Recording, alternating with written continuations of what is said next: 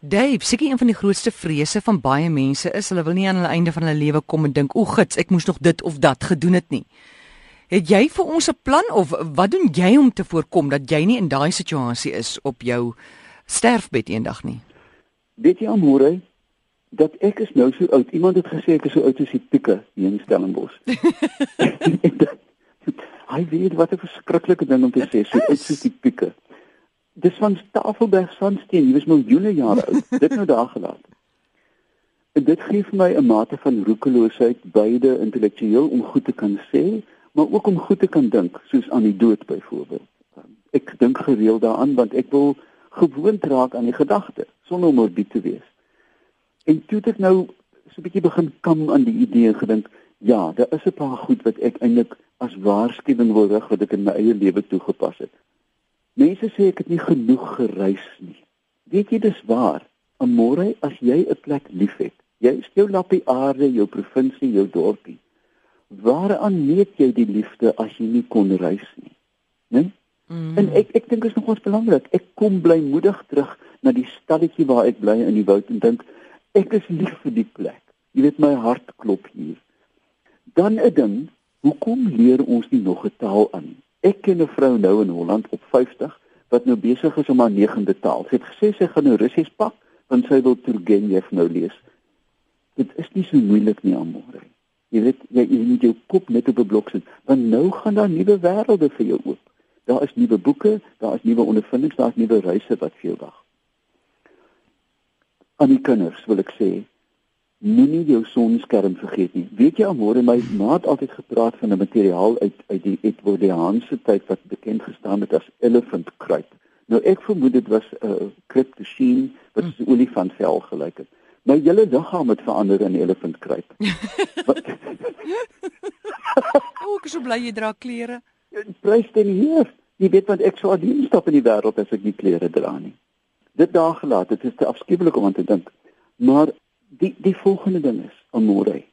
Hoekom is ons so bang om ons eie skoonheid, ons eie skoonheid nie te besin nie, maar te besef nie? Dit 'n mens in eie reg. Hmm. Ek ek is mooi op my manier, jy dalk vir 'n toktokkie, maar ons is so geneig om te dink ek het 'n gles. Daar is iets verkeerd met my neus. My boude is te groot wat ek al Ek dink ons moet besef dat ons mooi is, dat ons lekker kan omgaan met onsself en daarom lekker met die natuur kan omgaan. Hoekom bly ons in slegte verhoudings as ons die keuse het om uit te gaan?